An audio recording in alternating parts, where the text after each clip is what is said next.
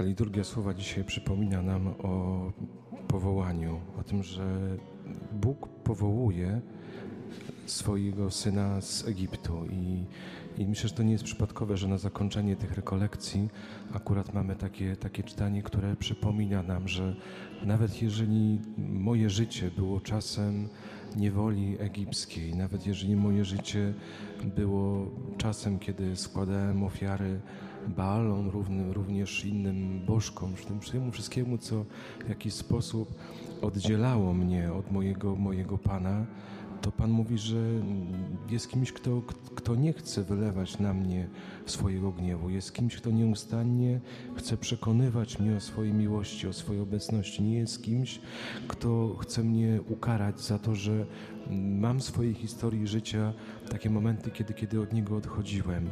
I dzisiaj przekonuje nas i zaprasza nas do tego, byśmy w tym powołaniu, które nam daje, odkryli też tą najpiękniejszą przygodę naszego życia, czyli pójścia za Jezusem, ale również e, doświadczenia tego, że on pragnie i chce uczynić Ciebie, abyś był, jeżeli mogę tak powiedzieć, kanałem Jego łaski, kanałem Jego, Jego miłosierdzia, albo inaczej jeszcze powiem, przedłużeniem Jego dłoni, Jego wszechpotężnej prawicy, którą będzie działał cuda. I zauważcie, że kiedy dzisiaj Jezus mówi o tym posłaniu do, do apostołów, to najpierw mówi idźcie i głoście, czyli dziel się tym doświadczeniem bliskości z Bogiem, którym masz tutaj na, w tym czasie tych paulińskich dni młodych. Dziel się tą, tą radością, że Pan pokazał Ci, że jesteś dla Niego kimś ważnym. Dziel się tym z tymi wszystkimi, który, których On również postawi na Twojej drodze życia. W tym zaproszeniu również jest, jest coś bardzo niesamowitego. Wiecie co to, że e, On powołując nas dostrzega w nas rzeczy przyszłe, tak jak było w przypadku i, i uczniów, i apostołów, i również Mojżesza. I my dzisiaj może tego jeszcze nie widzimy, ale to jest takie spojrzenie, które potrafi dostrzegać w Tobie i we mnie coś, czego jeszcze dzisiaj w sobie nie widzę. Jezus dostrzega w Tobie rzeczy przyszłe, które z Jego mocą, z działaniem Jego łaski, On będzie w stanie realizować w Twoim i moim również życiu, też w życiu innych. I dzisiaj Jezus mówi, mówi o tym pierwszym znaku. Mówi uzdrawiajcie, uzdrawiajcie chorych. E, w jaki sposób mamy, mamy uzdrawiać chorych? Chodzi nie tylko o tą chorobę, o tą chorobę fizyczną, bo Pan pragnie nas uzdrawiać, jeżeli mogę tak powiedzieć, na, na pięciu płaszczyznach. I to i ta choroba fizyczna jest dopiero czymś bardzo ostatnim. To pierwsze uzdrowienie, w którym, w którym Bóg przychodzi do nas ze swoją mocą, to jest uzdrowienie mojej relacji z Bogiem Ojcem. Czyli mam być również kimś, kto może doprowadzi w życiu moich bliskich do relacji, kto pokaże, że ma Ojca w niebie. To drugie uzdrowienie również, drugi poziom uzdrowienia, to jest uzdrowienie e, naszej psychiki, czyli to jest taki sposób myślenia, kiedy ja zastanawiam się i mówię sobie, Panie, ja chcę tak jak Ty, ja chcę myśleć tak jak Ty, ja chcę e, patrzeć na innych w taki sam sposób, w jaki, w jaki Ty patrzysz. Nie chcę widzieć moim, nie wiem, bracie, siostrze, kogoś bliskich, nie chcę widzieć kogo, wroga, kogoś, kto jest dla mnie zagrożeniem, ale chcę widzieć widzieć e, mojego brata i siostrę, tak jak Ty patrzysz na mnie. Ten trzeci poziom uzdrowienia to jest również to uzdrowienie emocjonalne, czyli Pan chce uzdrawiać też nasze emocje, czyli chce, żebyśmy byli ludźmi pełnymi Ducha Świętego, pełnymi radości, jak mówi Filipian 4, bodajże 4, mówi e, radujcie się, niech radość Panu będzie waszą ostoją. Bądź takim człowiekiem, który nieustannie wypełnia swoje serce obecnością Ducha Świętego i zanoś tą radość też tam, tam gdzie jesteś. Ostatnie uzdrowienie to jest dopiero to uzdrowienie, jest jeszcze czwarte uzdrowienie, czyli uzdrowienie relacji, uzdrowiajcie chorych. Bądź tym, który również przynosi pokój w relacje, bądź tym, który może pojedna innych, tym, który też wskazuje drogę do, do pojednania. I to ostatnie uzdrowienie to jest uzdrowienie dopiero fizyczne, kiedy, kiedy mamy modlić się w imię Jezusa Chrystusa o uzdrowienie e, świątyni naszego ciała, czyli to, to, to jest to fizyczność.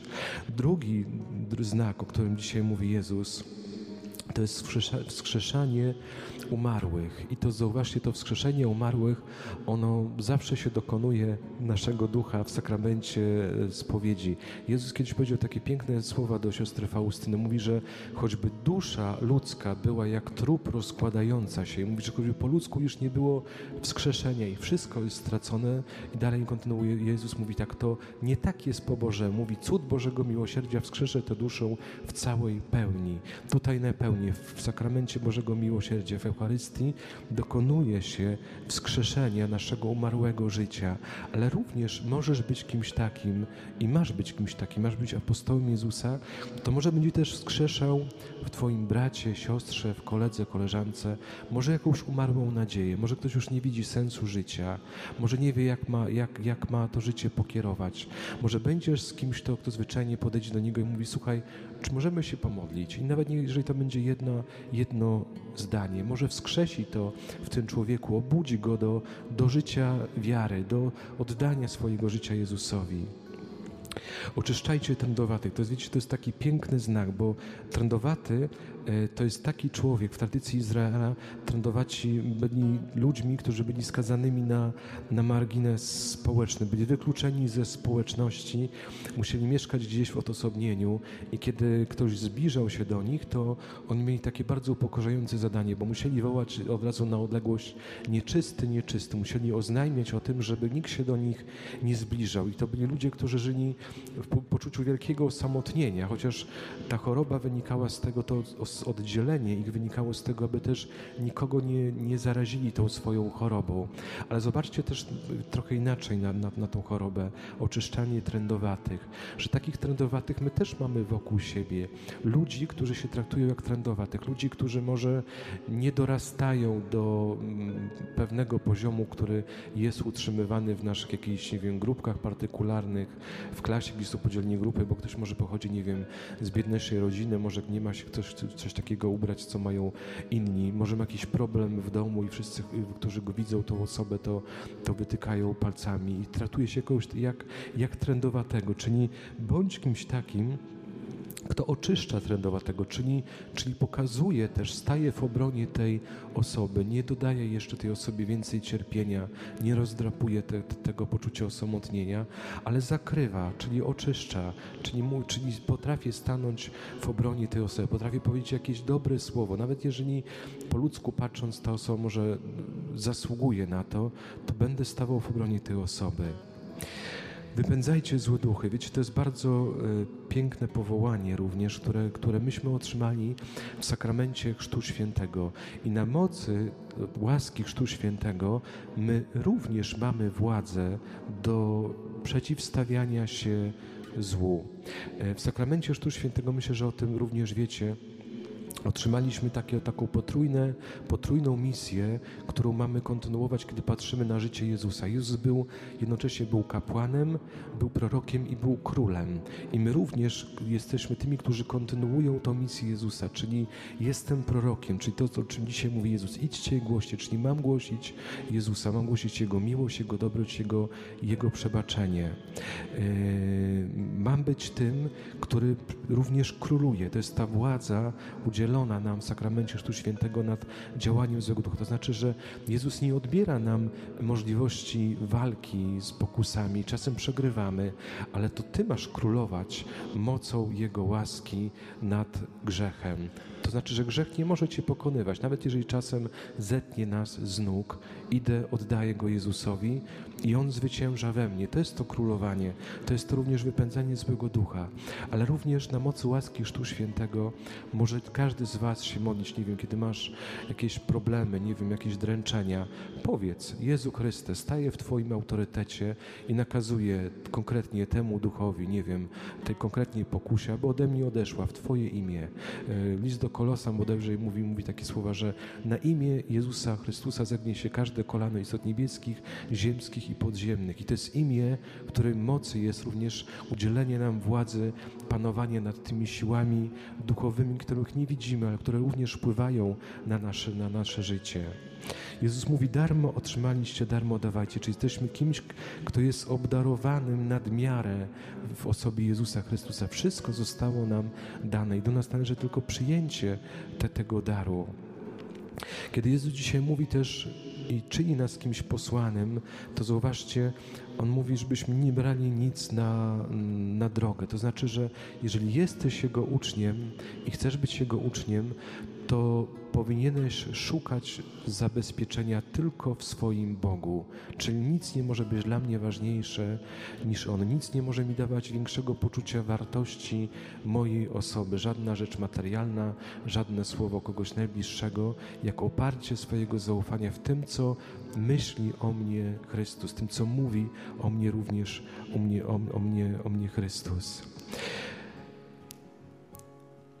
Ostatnia rzecz w tej Ewangelii jest taką rzeczą, którą, która myślę jest y, dla nas też bardzo ważna. Jezus mówi, że będziesz się spotykał. Jeżeli jesteś autentycznym uczniem Chrystusa, to też bądź świadomy, że kiedy skończą się te rekolekcje, kiedy wrócisz do swojego y, domu, do swojej wsi, miasta, miejsca, w którym jesteś, jeżeli autentycznie to, to wchodzisz w relację z Jezusem, to bądź przygotowany na odrzucenie, bądź przygotowany na to, że będziesz człowiekiem niechcianym, bądź przygotowany na to, że może wszyscy się od ciebie odwrócą. Ja dzisiaj nie mówiłem o tym na konferencji, ale ja tak miałem, kiedy powiedziałem Jezusowi, że chcę iść za Tobą, w jednym momencie straciłem dosłownie wszystkich, ale to wszystkich pseudo przyjaciół, z którymi mi łączył bardziej grzech niż jakieś relacje, relacje przyjacielskie. Bądź też świadomy, że jeżeli będziesz autentycznie głosił też, też Jezusa, to będą się odwracali i niech się odwracają.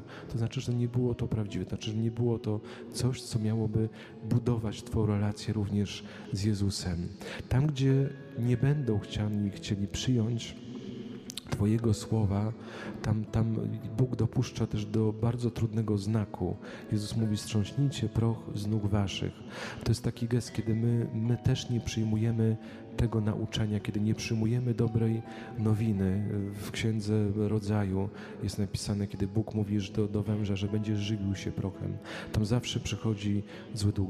Gdzie, gdzie nie przyjmuje się Słowa Bożego, tam zawsze później przychodzi zły duch, który, który niszczy i życie człowieka, i relacje też rodzinne. Prośmy dzisiaj o to, kiedy też będziemy się modlić na, na, na, na, również na, na tym wieczornym czuwaniu, aby Duch Święty nieustannie uzdalniał nas do bycia Jego narzędziem, narzędziem miłości, narzędziem pokoju, aby wypełniał nas swoją obecnością. Pomimo naszej słabości, którą mamy, Jemu to nie przeszkadza. Jak pamiętacie, żeby zapłonął w naszych sercach ten ogień, ogień mocy Bożej, ogień, ogień Ducha Świętego. Niech dzisiaj już wyprasza go nam obecność również Maryi. Niech ta, która pierwsza przyjęła Ducha Świętego, w którym to On stał się ciałem, niech wyprasza nam również ten ogień Ducha Świętego, moc wszystkich charyzmatów i darów, które dzisiaj też otrzymamy.